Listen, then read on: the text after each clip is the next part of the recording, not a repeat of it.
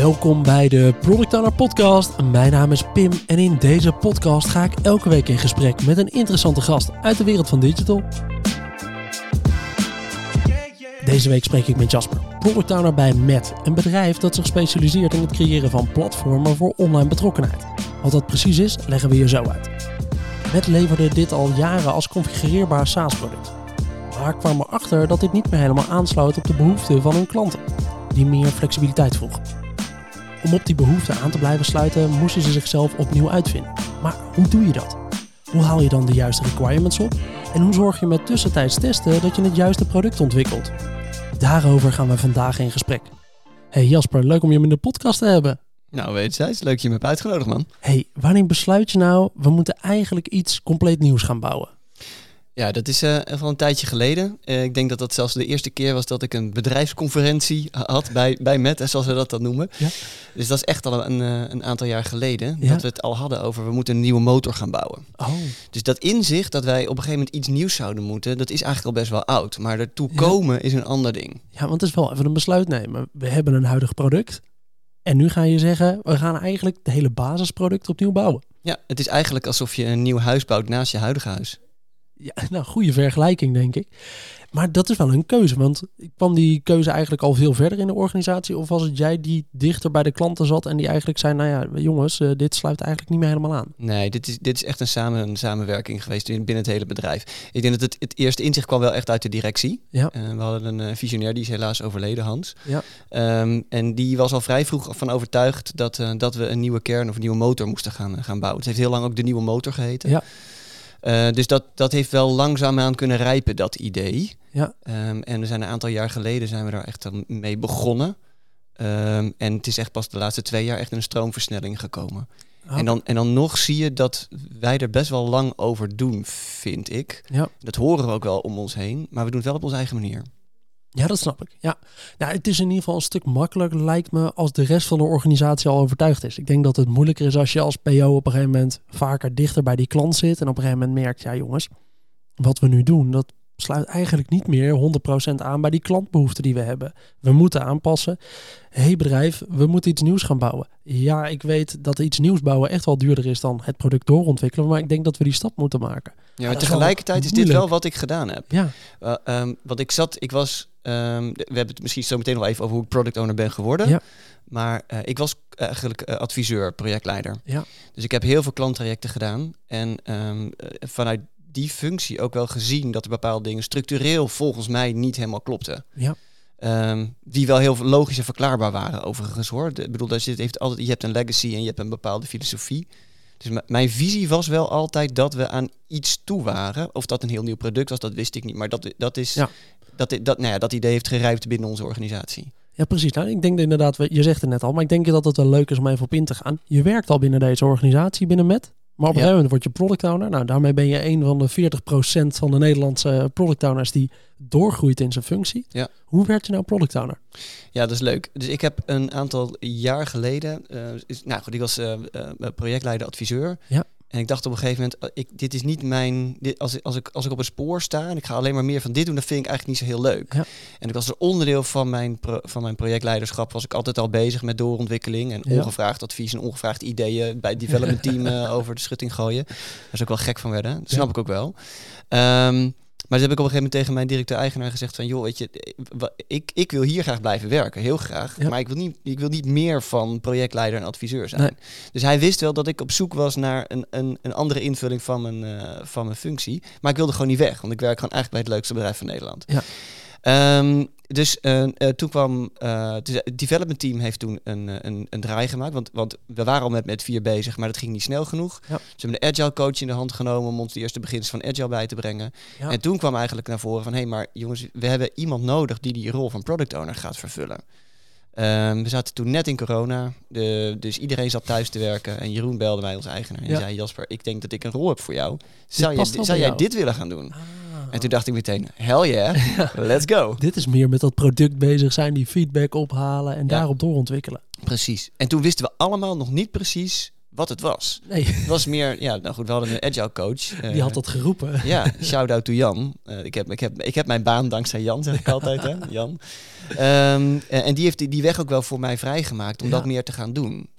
Oh. Waar ik nog steeds heel dankbaar voor ben. Ja. Want, eh, ja. Maar hoe creëer je dan die functie als je de eerste product owner in het bedrijf bent? Ja, dat, ik denk dat ik dat nog steeds aan het doen ben. Ja. Eh, weet je, dat is niet. Ja, op een gegeven moment heeft het een naam. En op een gegeven moment zet je op internet. We hebben nu een product owner en dat is Jasper. Ja, En gelukkig eh, vond iedereen dat ook oké. omdat ik denk. de- Ik bedoel, er zijn meer mensen bij ons die het zouden kunnen doen hoor. Ja. Ehm, maar ik denk dat ik het meest. ehm, het, het leukst vind. En, en me daar ook wel het meest hard voor heb gemaakt. Dus ik denk dat, ik denk dat het mij wel van iedereen die er nu zit het meeste past. ja en, maar dan kom je dus in die... eh, Dan hangt het stempeltje er in ieder geval op. De agile coach heeft gezegd, oké, maar als we Ja. dan product gaan ontwikkelen... dan moeten we een product owner hebben die zich met het product echt bezig gaat houden. Ja. Hoe creëer je dan die rol in die organisatie voor jezelf ook een beetje? Met die hulp van die eh, agile coach? Ja, dus ik denk dat dat in het begin wel echt eh, de, de rol van de agile coach was om, om ons te leren om ook in, in, in die ehm, eh, configuratie samen te werken. Ja. Ik denk wat vooral lastig was, is dat het development team al van mij gewend was dat ik best wel op het product zat. En dat ze ook, ik bedoel, nu moet ik eigenlijk niet te veel voor hen spreken, want ik wil ze niet tekort doen. Nee. Maar d- ik, ik kon wel tussen de bedrijven door met allemaal ideeën komen en met verbeteringen. Ja, daar Ja. had ik natuurlijk geen tijd voor. Nee. En nu ik er langer met het development team samenwerk, zie ik ook dat dat irritant kon zijn. Ja. Dat, dat kwam met een heel goed hart Ja. en, en eh, met een goede bedoeling. Ja. Maar Maar je kunt gewoon niet alles oppakken. Nee, maar nu zie je inderdaad als product owner dat als er stakeholders ergens anders uit de organisatie naar jouw developers toe gaan rennen en Ja. daar gaan roepen, hey, jullie zouden eigenlijk dit moeten bouwen. Dan denk je als PO echt, goh, Ja. ga eens weg joh. Eh, je kan je bij mij even melden en achteraan aansluiten in de rij. Dan zal ik even acht keer nee zeggen. En als je dan Ja. echt een heel, heel, heel goed idee hebt, dan komt hij op Ja. de backlog. Ja, En dan gaan we een keertje kijken wanneer we hem kunnen oppakken. Ja, Nou, wat heel leuk is dat developers nu zelf met dingen voor de backlog komen. dat is leuker. Ja, dat dat, is- wil je. Zeg ik ook nee, maar... nee, dat is heel flauw, want dat was een heel goed idee. Maar eh, ja, je, je, moet, je moet prioriteren. En dat betekent inderdaad dat je vaker nee zegt dan ja. Ja. En dat je een beetje moet geloven in je eigen ja, afwegingen en keuzes die je maakt. En heel vaak checken. Maar Ja. goed, daar komen ze op.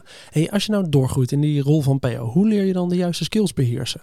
Hoe bepaal je dan wat de juiste skills zijn? Ja, ik vind dat heel lastig. Maar zoals we bij ons doen, wij zijn niet heel erg van de formele opleidingstrajecten. Nee. Dus eh, meteen upfront, ik heb nog nooit een opleiding PO gedaan. Nee. Ik heb wel artikelen over gelezen. Ik heb heel veel aan Jan gehad. Heel veel de Ja. vraag van, doe ik het goed? Ja. Eh, ik weet, ik, want ik weet het niet. Nee. En of je het goed doet, hangt ook heel erg af van of het werkt. Dus jij kan zeggen dat ik het goed doe, of iemand, een expert kan zeggen of ik het goed doe of niet. Ja. En dan nog, ook als ik het heel goed zou doen, zou, zou het bij ons misschien niet zo goed kunnen werken. Eens. Dus je zoekt volgens mij heel erg zelf je eigen manier. En of je het goed doet, wordt bepaald door de organisatie eigenlijk. Ja, door Het het, klinkt heel filosofisch. hoe het doorgaat met het product. Ja. Maar hey, eh, pff, ja, ik denk dat dat toch zo werkt. Nee, nee, ik denk niet dat er een standaard aan is in, aan wat goed is ook. Hè.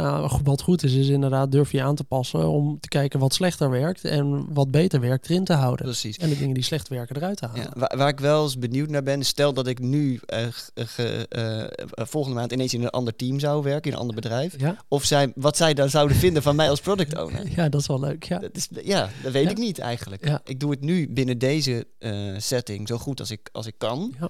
En probeer eh, daar ook feedback over op te halen. Ehm, nou, ja, bij, soms bij collega product owners, van hoe doe jij dat? Ja. Eh, vaker ook bij, bij ons eigen team. Ja. Doen we het goed? Doen wij het goed als team? Ja. Vind je dat ik mijn rol goed vervul? Wel goed dat je dat Eh, vraagt. Eh, en dus op die manier ja, probeer je wel te, te, te blijven ontwikkelen.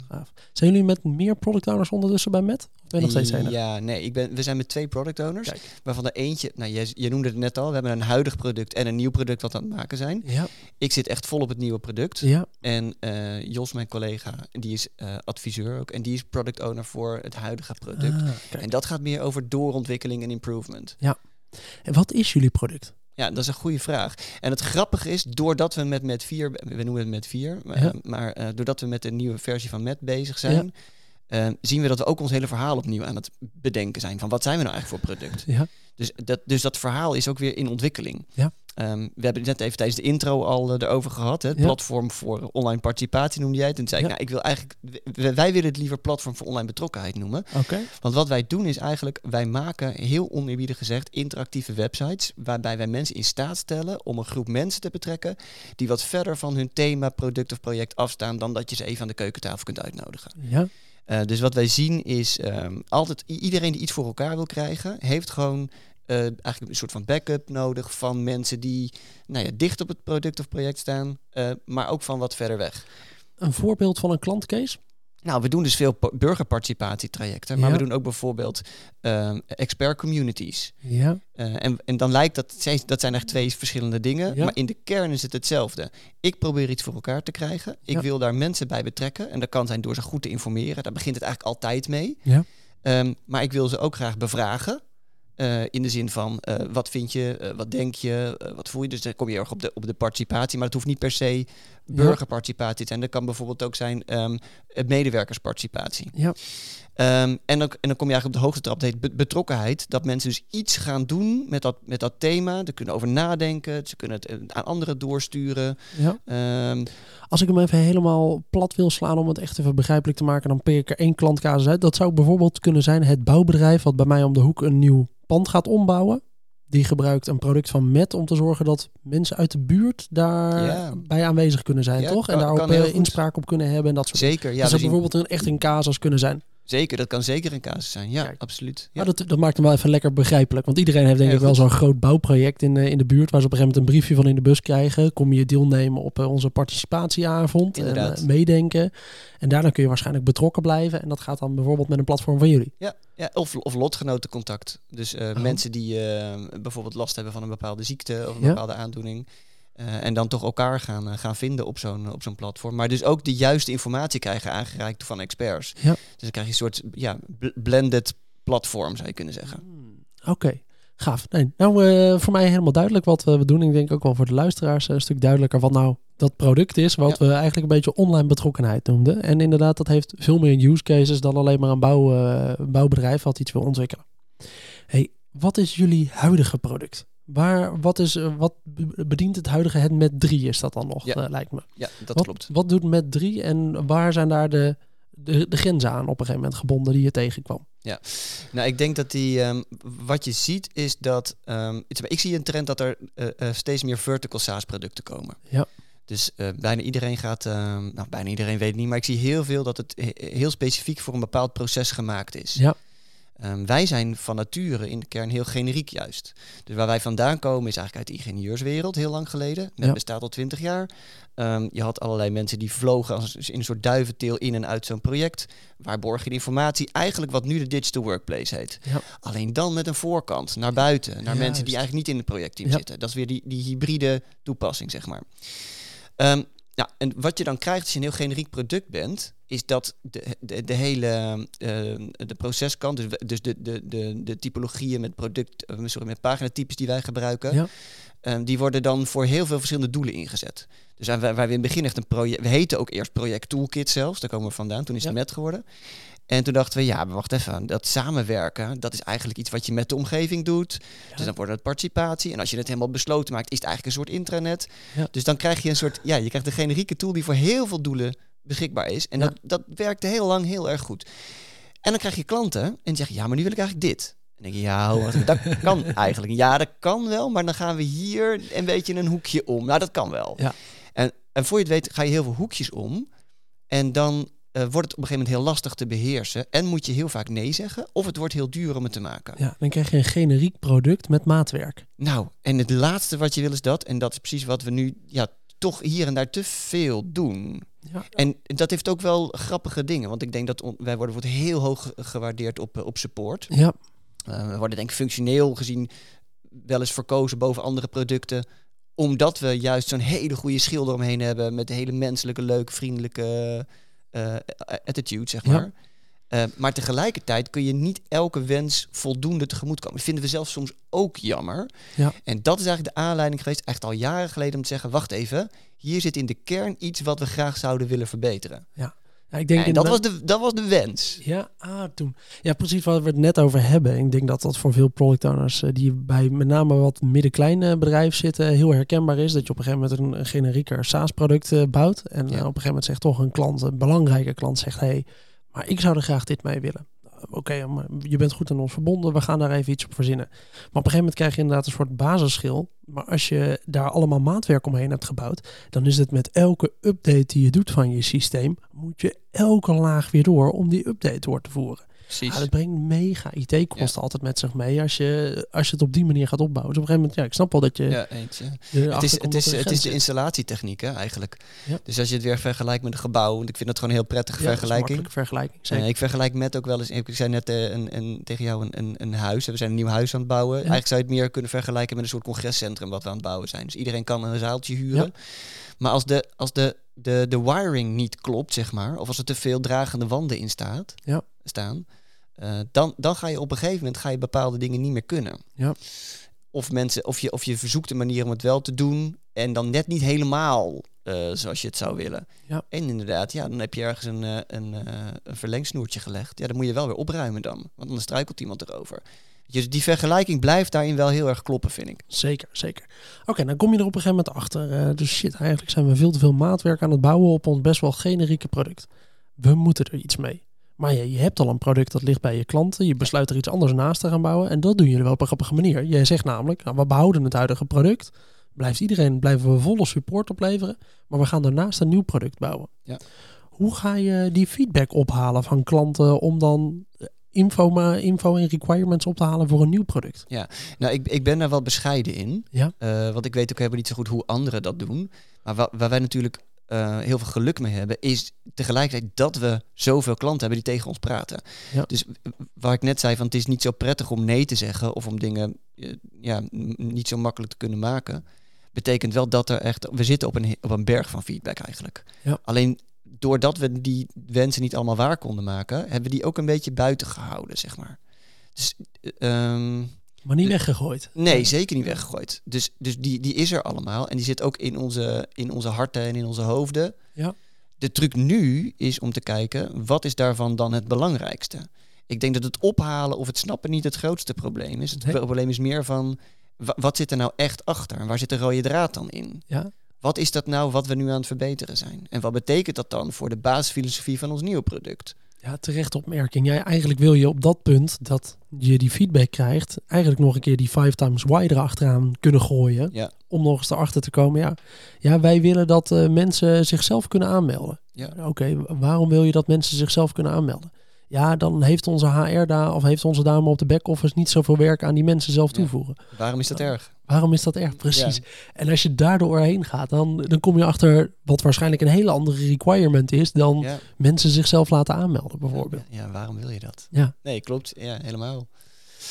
Nee, dus, ehm, dus we hebben heel veel. Ja. Eh, en dat is hartstikke lekker. En tegelijkertijd is het ook zo'n zo'n ehm, vloek. Want het is eh, ook daadwerkelijk heel veel.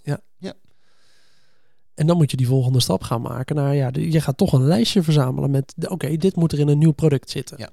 Wanneer zijn jullie begonnen met het nu neerzetten van Met 4, de eerste stappen daarvan? Ja, dat is best wel lang geleden al. Ja. Ehm, en toen was de opdracht, denk ik... Kijk, ik denk dat de basis van een goed product is goed opdrachtgeverschap. Ja. En ik denk dat we daar naartoe gegroeid zijn langzaam, maar dat we al best wel vroeg begonnen zijn. Ja. Dus het development team heeft, denk ik, best wel lang eh, zelfstandig aan een nieuw product gewerkt met de opdracht: eh, maak de opvolger van het huidige product en zorg dat het alles kan dat het beter wordt. Even heel zwart-wit gezegd. Ja. Het was natuurlijk, er zaten veel meer nuances in dan dat. Ja. Maar wat wij misten was inderdaad een scope en een, en een, en een, en een ontwikkellijn en een filosofie en een productvisie. En dat kwam omdat we, we zijn gewend geraakt een beetje eigenlijk om ons huidige product te beheren. Ja.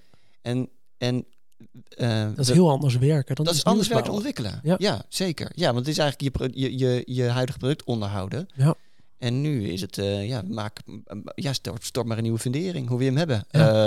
Eh, ja, Ja, en dan geldt echt de hoofdregel, shit in is shit, shit out. zeker. Ja, en En- er is een hoop shit je Ja.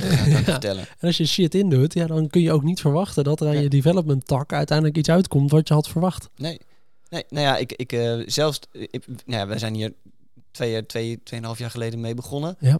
Als ik nu terugkijk op de discussies die we toen gehad hebben en hoe we het toen aanpakten, ja, dan, dan, dan schaam ik me soms voor dat ik product owner was toen.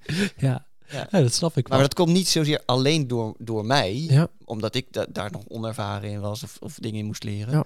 Maar dat we daar met z'n allen dingen in moesten leren. Van waar werken we nou aan? En hoe checken we dat eigenlijk? Of dit het is waar we aan moeten werken? Ja, ja precies. Hoe check je of dat is waar je aan moet werken? Dus je begint ondertussen met bouwen aan het, uh, aan het tweede platform of uh, met vier. Um, er staat ondertussen voor het eerst iets wat je, waar je mee naar een klant toe zou kunnen gaan. Hoe doe je dat testen met een klant of dat je ook de goede kant op bouwt? Ja, nou ik denk dat wij op het wat nog wel redelijk arrogant zijn op dit moment. Ja. Ja, en dat komt doordat we eerst een soort van. Dit was wel ook echt een hele lange leerweg trouwens hoor. Ja. Want ik denk dat wij niet, niet um, niet snel genoeg een MVP neerzetten. Omdat we toch te veel hangen. Of ja, te, veel weet ik niet. Wij weten heel goed wat de klant nodig heeft. Ja, dat denken wij wel, ja. ja. ja. En ik weet niet zeker of dat zo is. Alleen wat wel zit, dat moet ik wel steeds iedereen voorhouden. We zijn niet, we, we, we zeggen niet, oké, dit was het huidige product, dit is het huidige product. En nu gaan we iets leuks maken wat ernaast staat. Nee, we maken iets wat voldoende overlap heeft met wat we doen. We gaan niet ineens een heel, we gaan niet ineens een um, CRM-systeem voor. Um, Bouwpartijen bouwen. Nee, nee, weet je, het blijft in de kern wel hetzelfde product. Ja. Um, maar. Om flexibel opgesteld om mee te gaan in die uh, flexibiliteitswens om dingen ja. specifieker neer te zetten. Ja, en wat ik. Ik denk dat we een beetje. Uh, we willen we willen dat er voldoende overlap is. Dus op dit moment zitten we echt nog, zijn we dat framework, dat basisframework, die dingen die we altijd moeten doen, ja. wat we elke kant ook op gaan, dat zijn we nu aan het, aan het developen. Ja. Daar zijn we een heel eind mee. Ja. En we zijn al heel veel uh, uh, blikjes in de, in, de, in de toekomst aan het, aan het werpen. Ja. Maar in feite is dit nog het makkelijke stuk. Want we weten van bijna al deze dingen vrij zeker dat dit er sowieso in moet. Ja. Um, maar dat is het wat. Dus over het wat zijn we vrij, nou, misschien nog wel een beetje gesloten en maken vooral gebruik van de opgebouwde kennis die we al hebben. Het hoe is een ander verhaal. Ja. Want um, we zijn dan nu wel, um, uh, nou, weet je, de, ik denk dat de basis van MET zouden we kunnen kenschetten als een, een, uh, een CMS. Ja. Wat veilig, compliant, toegankelijk is um, en wat gericht is op, uh, op, op betrokkenheid en interactie. Maar de basis is wel eigenlijk een CMS. Want, ja. want het begint, alles begint met content. Um, wij doen aannames over hoe mensen dat zouden willen gebruiken. We zijn ook opnieuw aan het nadenken van wie zijn dan die mensen in de organisatie die ons willen inzetten. Ja. Ik denk dat dat mensen zijn die, uh, er valt een beetje twee groepen uiteen. Enerzijds mensen wel met content management ervaring, maar steeds meer mensen die eigenlijk niet zoveel content management ervaring hebben. Ja. En wij willen juist, omdat dat in het project zit, dat het tegen de inhoud aan zit, dat zij in staat worden gesteld ja. Vul om juist vier vakjes in en dan Precies. heb je gewoon nieuwe content. En we willen niet te veel voorschrijven, want dan wordt het vertical. Ja. Dan wordt het zeggen, oké, jij moet deze vier vakjes invullen. Oh. Dus het is een enorme ja. zoektocht naar hoe maak ik het enerzijds eenvoudig, dat je niet zoveel hoeft na te denken. Ja. Maar hoe hou ik het wel generiek? Terwijl hoe specifiek je het maakt, hoe makkelijker het wordt. Nou, daar zit onze stretch. Dat, is, dat is waar wij voortdurend mee bezig zijn van, snappen mensen dit? Um, hoe houden we het flexibel, maar wel begrijpelijk? Ja. Wanneer ben je voor het eerst gaan testen met klanten? Met het nieuwe onderdeel? Uh, eind vorig jaar hebben we de eerste, eerste test gedaan. We hebben overigens nog niet super veel testen gedaan, nee? moet ik zeggen. En zeker, nou, je, je interviewt mij nu op een moment dat we eigenlijk een half jaar bezig zijn geweest met deployability. Ja. Dus dat betekent dat we eigenlijk de afge afgelopen paar maanden heel weinig getest hebben. Ja. Anders dan dat we het intern getest hebben. Ja. Um, het vorige half jaar was eigenlijk veel meer exemplarisch daarvoor. Want vorig half jaar hebben we echt een fantastische um, sprint van een half jaar gehad eigenlijk. Ja. Um, we, waren, we werkten super kort cyclisch. Um, elke twee weken bespraken we nieuwe, nieuwe features. Die hebben we ook in een soort van roadmap uitgezet. Ja. En eigenlijk de twee weken daarna waren we het aan het developen. Cool. Dus het ging super snel. En onze, of onze designers zeiden ook, daar komen we zo meteen over te spreken, over design. Maar designers zeiden ook, wij kennen dit niet, hoe snel dit gaat bij jullie. Ja. En dat was super gaaf. En dan ga je ook echt zeggen, oké, okay, we hebben nu een, uh, een aantal hypothesen. Uh, die zitten allemaal met ons designs, hebben die afgesproken. Van ja, weet je, we gaan hier nu niet in door, door designen. We gaan het nu zo maken, zo testen. Ja. En dan voorleggen. En dus ik ben ook, te, ook tester. Ik zit ook gewoon in testsessies, Zeker. in lookback Ja. met mensen. En uh, zeggen, oké, nou ja, uh, we testen niet jou, maar we testen het product. Ja. Uh, dat je er niet uitkomt is ook een, resultaat. Ja. En oké, okay, nou wat zou je dan nu doen als ik er niet naast zou zitten? Ja. Klik maar. Ja. Oh, cool. Ja. En dan kaak op elkaar. Nee, helemaal leuk. En Goed dat je dat er even omheen schetst. Hè. Jij zei ook al van tevoren toen ik tegen jou zei... Hé hey Jasper, ik wil je eigenlijk spreken over hoe je nou een nieuw product neerzet. Hij zei, ja, jij zei, nou ja, maar wij zijn daar toch helemaal niet de expert in? Ik zei, nee, het gaat er niet om dat je de expert erin bent. Het is denk ik dat er heel veel product owners op dit moment aan het meeluisteren zijn... die ook wel eens van hun product denken... ah ja, wij moeten eigenlijk die volgende stap maken... maar ja, welke stappen neem je dan? En wat hebben andere mensen daar nou van geleerd? Dus ik vind het met name leuk om inderdaad even in te zoomen op bijvoorbeeld hoe was dat nou dat vorige half jaar? Waarin Ja. je zegt, nou ja, we gingen gewoon designs maken. En Ja. met die designs gaan we, eh, leggen we ze even voor aan een klant. Ja. Eens kijken of dat hij het eigenlijk snapt Ja. als we het zo neerzetten. Nou, w- wat eigenlijk heel gek is, als je terugkijkt, ehm, wij eh, hadden geen designer. Ja. Eh, en nu kijk ik jou aan met schaamrood op mijn kaken. we hebben heel lang gewerkt zonder design. En ik denk ook dat je dat wel kan zien. Ja. Maar als je dingen doorontwikkelt, dan zijn het steeds kleine stapjes. Dus Ja. dan is de noodzaak lijkt daarop minder groot. Ja. Tegelijkertijd denken we wel dat we daar achteraf gezien best wel wat aan gehad hadden.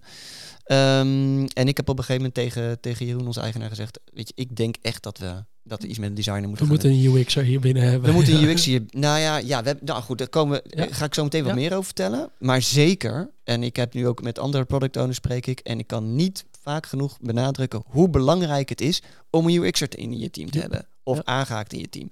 Zonder geloof ik niet dat je je rol als product owner goed kunt vervullen. Of je moet zelf een UX'er zijn. Dat kan natuurlijk ook. Ehm, maar weet je, dus dat. En niet alleen om vanwege de de visual vind ik. Dat kan op andere manieren ook. Je kunt ook een bureau inhuren wat een, wat een leuke styling voor je website maakt. Voor je UI dat huisstijltje krijg je al voor elkaar. dat is niet het punt. Wat het punt is, je moet de ges- gesprekken met je developers voeren. En wij waren in het begin hadden we geen designer aan boord. Ja. En dan maakte ik eh, features en use stories en epics. Nou, dat moest ik ook allemaal nog leren. Dus dat, dat ging alle kanten op. Ja. Dat was te vaag en te moeilijk. En met name gingen we proberen om inschattingen te maken. Weet je, van die, eh, van die sessies waarbij je iedereen Ja. punten gaat geven. Ja. En, eh, ehm, van die bingo sessies. Ja, en dan bleek dan in die sessie dat we eigenlijk helemaal niet wisten waar naartoe moest. Dus developers die konden dat helemaal niet inschatten. Nee. Dus je, je Ehm, begon al met pokeren van, eh van die dingen. En kwam je er eigenlijk achter.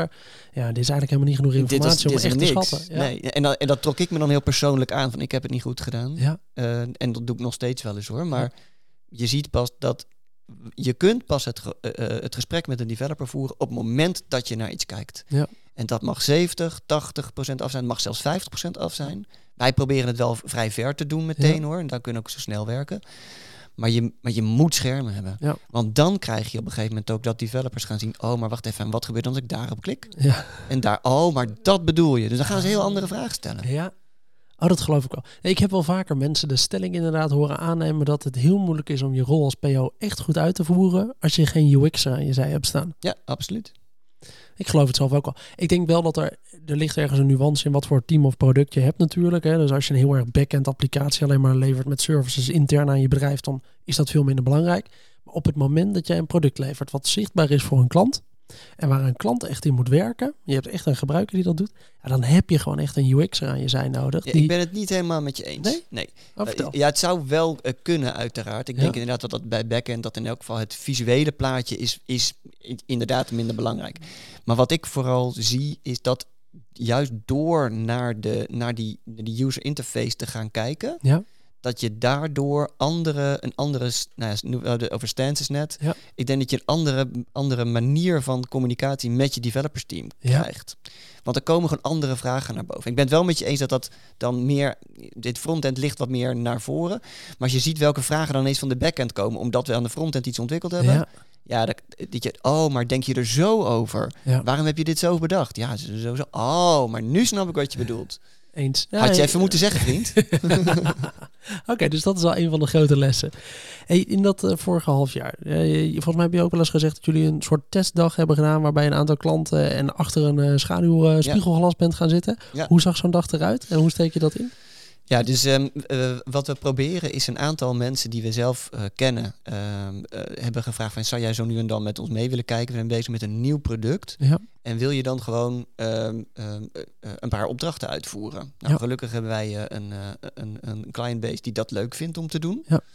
Ehm, en dan hadden we een, eh, een soort testscript met een aantal dingen die we, die we graag zouden willen weten of mensen dat snappen. Ja. Want we hebben gewoon een aantal aannames gedaan over bijvoorbeeld, nou weet, weet je, we werken nu eigenlijk alleen met teksteditors in, eh, in het CMS.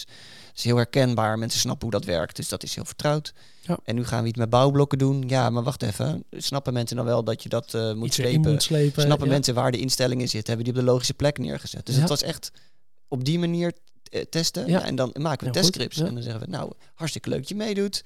Ehm, wil je eens proberen om een bouwblok te plaatsen? Een, een bouwblok waar Van vind ik pagina aan te maken. Precies, ja. Ja, ja, nou en ja, dan krijg je gewoon gelijk die Maak maar een pagina. Ja. Hier heb ik, ik een stuk een voorbeeldje op van, nou, dit is ongeveer wat je wil, kun je het proberen na te maken.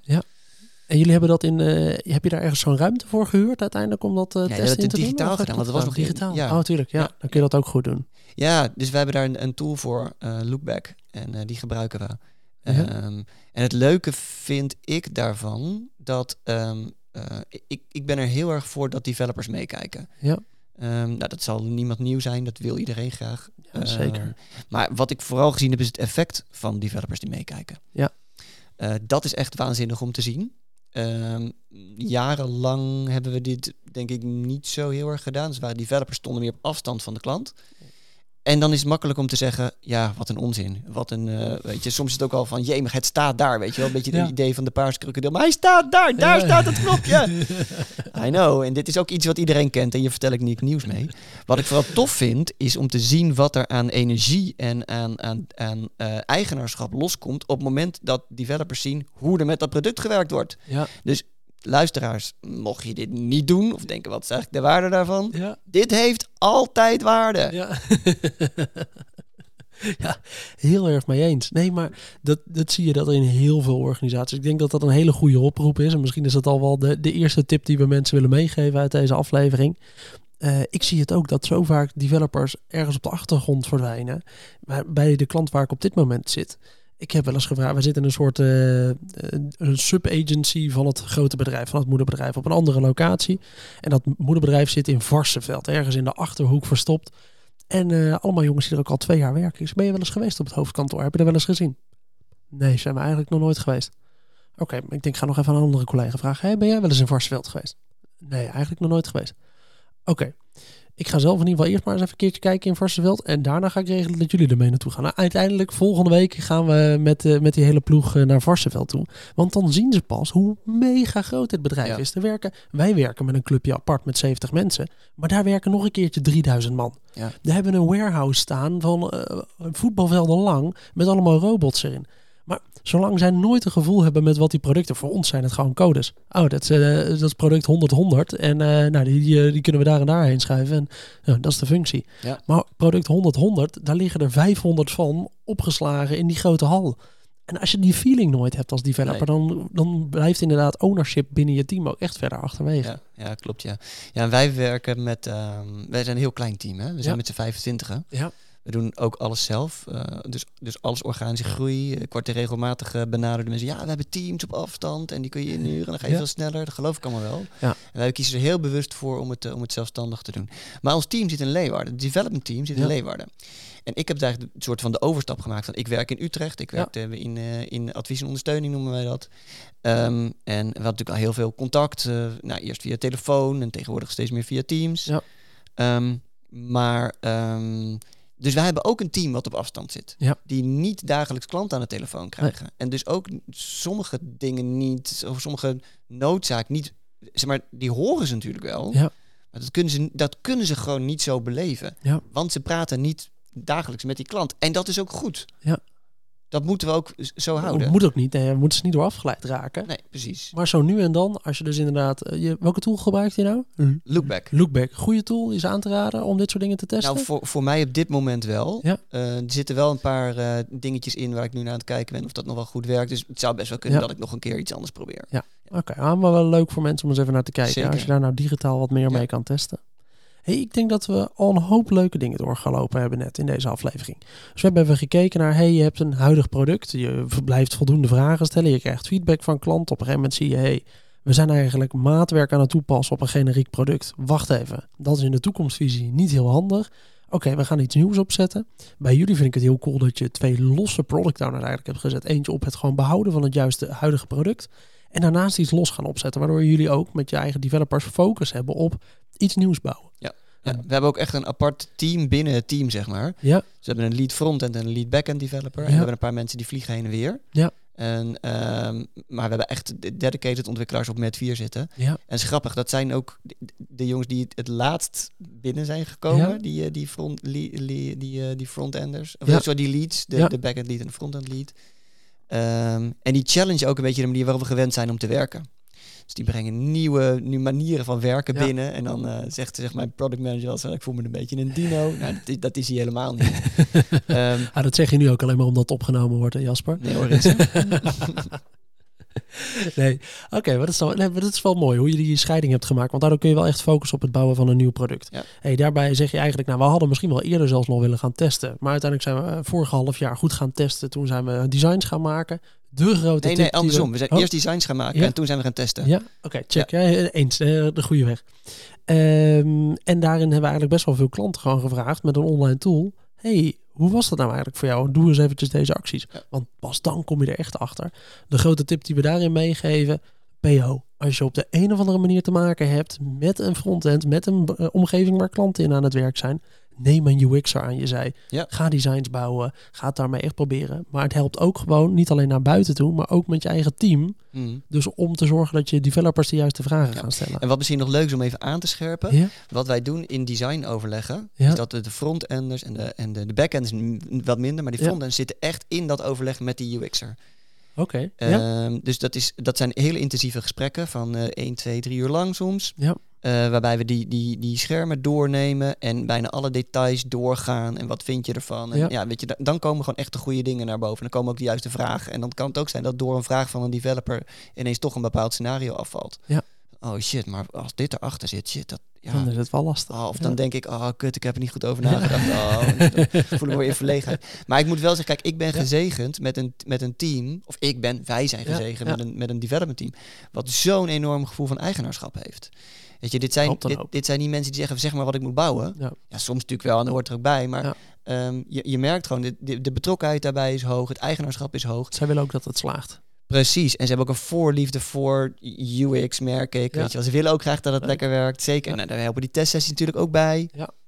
Um, dus, dus ja, daar kan je natuurlijk niet voor kiezen dat je, dat je developers hebt die, die, die dit doen. Maar ik, ik merk wel dat dat wel eens heel fijn is dat het heel goed werkt. Cool. Het lijkt me leuk om even door te gaan naar wat zijn nou de grote lessen uit dit proces. Uh, jullie hebben een mooi product, dat staat. Je ontwikkelt daar ondertussen een nieuw product. Wat is nou je meest gegeven tip of wat zou de tip zijn die je luisteraars meegeeft om, als ze nou denken, ah, we moeten eigenlijk ook ergens misschien wel ons product opnieuw gaan uitvinden. Is er een tip die je mensen wil meegeven? Ja, dat hangt er een beetje vanaf hoe ver ze in de, uh, in het agile werken of het scrum werken al zitten. Maar wat, ik, wat mij in elk geval heel erg geholpen heeft, en dan heb ik het niet zozeer over een nieuw product maken, maar meer over uh, beginnen met, met zo'n soort uh, scrum-achtige aanpak. Uh, dat is heel erg duidelijk de rollen benoemen. Ja. En dat vond ik in het begin best wel lastig. En daar hadden natuurlijk ook met onze agile coach best wel geluk mee dat dat, dat, dat lukte. Ja. Maar um, een stelregel bij ons is, en die herhalen we ook hardop heel vaak, ik ga over het wat, jij gaat over het hoe. Ja. Dus onze business owner gaat over de strategie en de centen. Ja. Of het waarom eigenlijk. Ik ga over het wat. En, en, en mijn even knieën bij product, uh, Rinsen, die gaat over, het wat, over het hoe. Sorry. Ja. Um, en dat benoemen we letterlijk in gesprekken. Oh. Oké, okay, nee, maar wacht even. Is dit nou het wat of het hoe? Ja. Ga, ga ik hier al over? En dan zitten we samen een beetje te, ja. te, te, te bakkeleien ik denk, en ik merk ook dat ik dan met beginnende product owners, als ik daarmee spreek, ja. dat ze soms die, verschillende rollen aan het vervullen zijn. En ja. ik, ik, betrap me daar zelf soms ook op dat ik me te veel met het hoe bemoei. Ja. En dat het, het, is logisch ook. En ik maar probeer, het is wel een valkuil. Het is wel een valkuil, ja. En net zo goed dat ik dan ook de neiging heb om dan heel erg op de strategie te gaan zitten. Ja, ja wacht even, maar dit, dit, moet ik, dit, is geen, dit is een aanname, die moet ik wel echt heel goed checken. Ja. Ja, mooi. Vind ik een goede, vind ik een goede tip. Als uh, product owners nou zeggen, nou ja, misschien daar wel op, um, waar begin je mee? Dus als je nou denkt, oh ja, we moeten dit eigenlijk misschien wel gaan doen met de organisatie. Ik moet dat gaan uitleggen aan de organisatie dat we iets nieuws moeten gaan bouwen. En waar begin je mee? Wat, wat, wat is de ja. eerste stap die je echt moet doen om dit, uh, dit te kunnen gaan doen? Om, en bedoel je dan uh, om, om de, het, uh, de overtuiging te krijgen dat we iets nieuws moeten gaan bouwen? Ja, bijvoorbeeld. Ja. ja. Nou, dat, dat zit denk ik heel erg in het herkenbaar maken van problemen, maar ook het verbinden van die problemen. Dus Eens. achter die dingen die mensen herkennen, omdat ze op support werken of omdat ze in het veld werken. Ja. Um, je, je, moet dan de, de, de bekende issues moet je benoemen. Ja. En je moet denk ik daar, daarachter de rode draad gaan vinden en die, die uitleggen. Ja. Dus wat ik net aan jou uitlegde, dan weet je, we komen er gewoon achter dat er zijn vragen van klanten waar we niet aan tegemoet kunnen komen of wat mm. altijd pijn, waar we altijd pijn aan lijden. En we willen dat wel, want um, dat verhaal, het is, het is deels echt verhalen vertellen intern. Ja. En die verhalen die leven wel, maar iedereen heeft een ander verhaal. En ja, dat is herhalen, herhalen, herhalen. En, en, en ik vind ook wel dat je als product owner moet je niet bang zijn om echt een visie op het product te hebben. Ja. En die te checken. Want ik heb die visie wel, maar ik, nogmaals, ja, ik ga niet over de centen. Nee. Dus ik moet voortdurend eigenlijk mijn eigenaar, of onze eigenaar, product, uh, directeur-eigenaar, moet ik vragen, doen we dit nog steeds omdat we, wat ik toen zei, klopt dit? Klopt dit wat ik denk? Want ik zeg dit nou wel, klopt dit eigenlijk wel?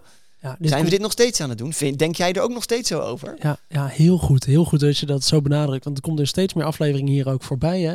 Een productvisie maak je niet in je eentje. Die maak je met je stakeholders.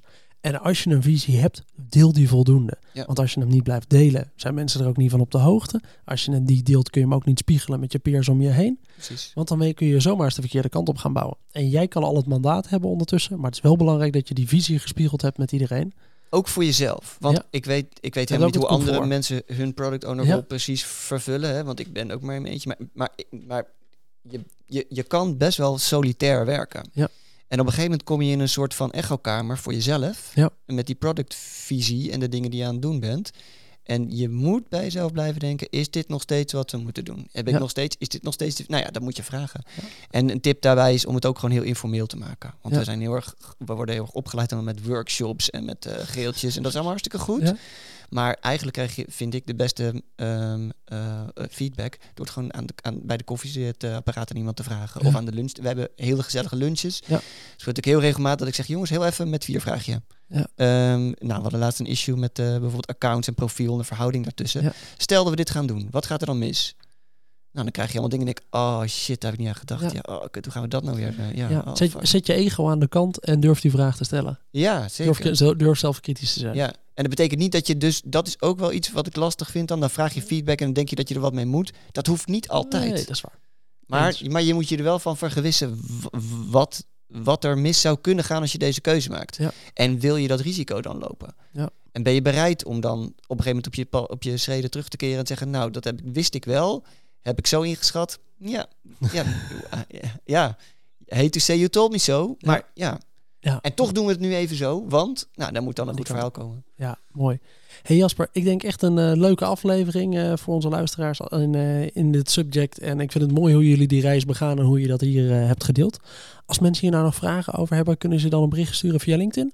Altijd. Kijk. Vind ik heel erg leuk. Ja, want daar leer ik zelf ook weer uh, van. Dat is Jasper Ludolf op LinkedIn. En uh, stuur hem dus vooral eventjes een berichtje. Zeker, hartstikke leuk om te horen. hey, dan wil ik iedereen weer bedanken voor het luisteren naar deze aflevering van de Product Owner Podcast. Vond je dit nou een leuke aflevering? Vergeet dan niet om de podcast een leuke review te geven in jouw favoriete podcast app. Heb je nou nog vragen of opmerkingen voor mij naar aanleiding van deze aflevering? Stuur me dan vooral een berichtje via LinkedIn, dat is Pim Pot, of op pim.productowner.nl. En dan hoop ik dat je de volgende keer weer luistert. Tot dan!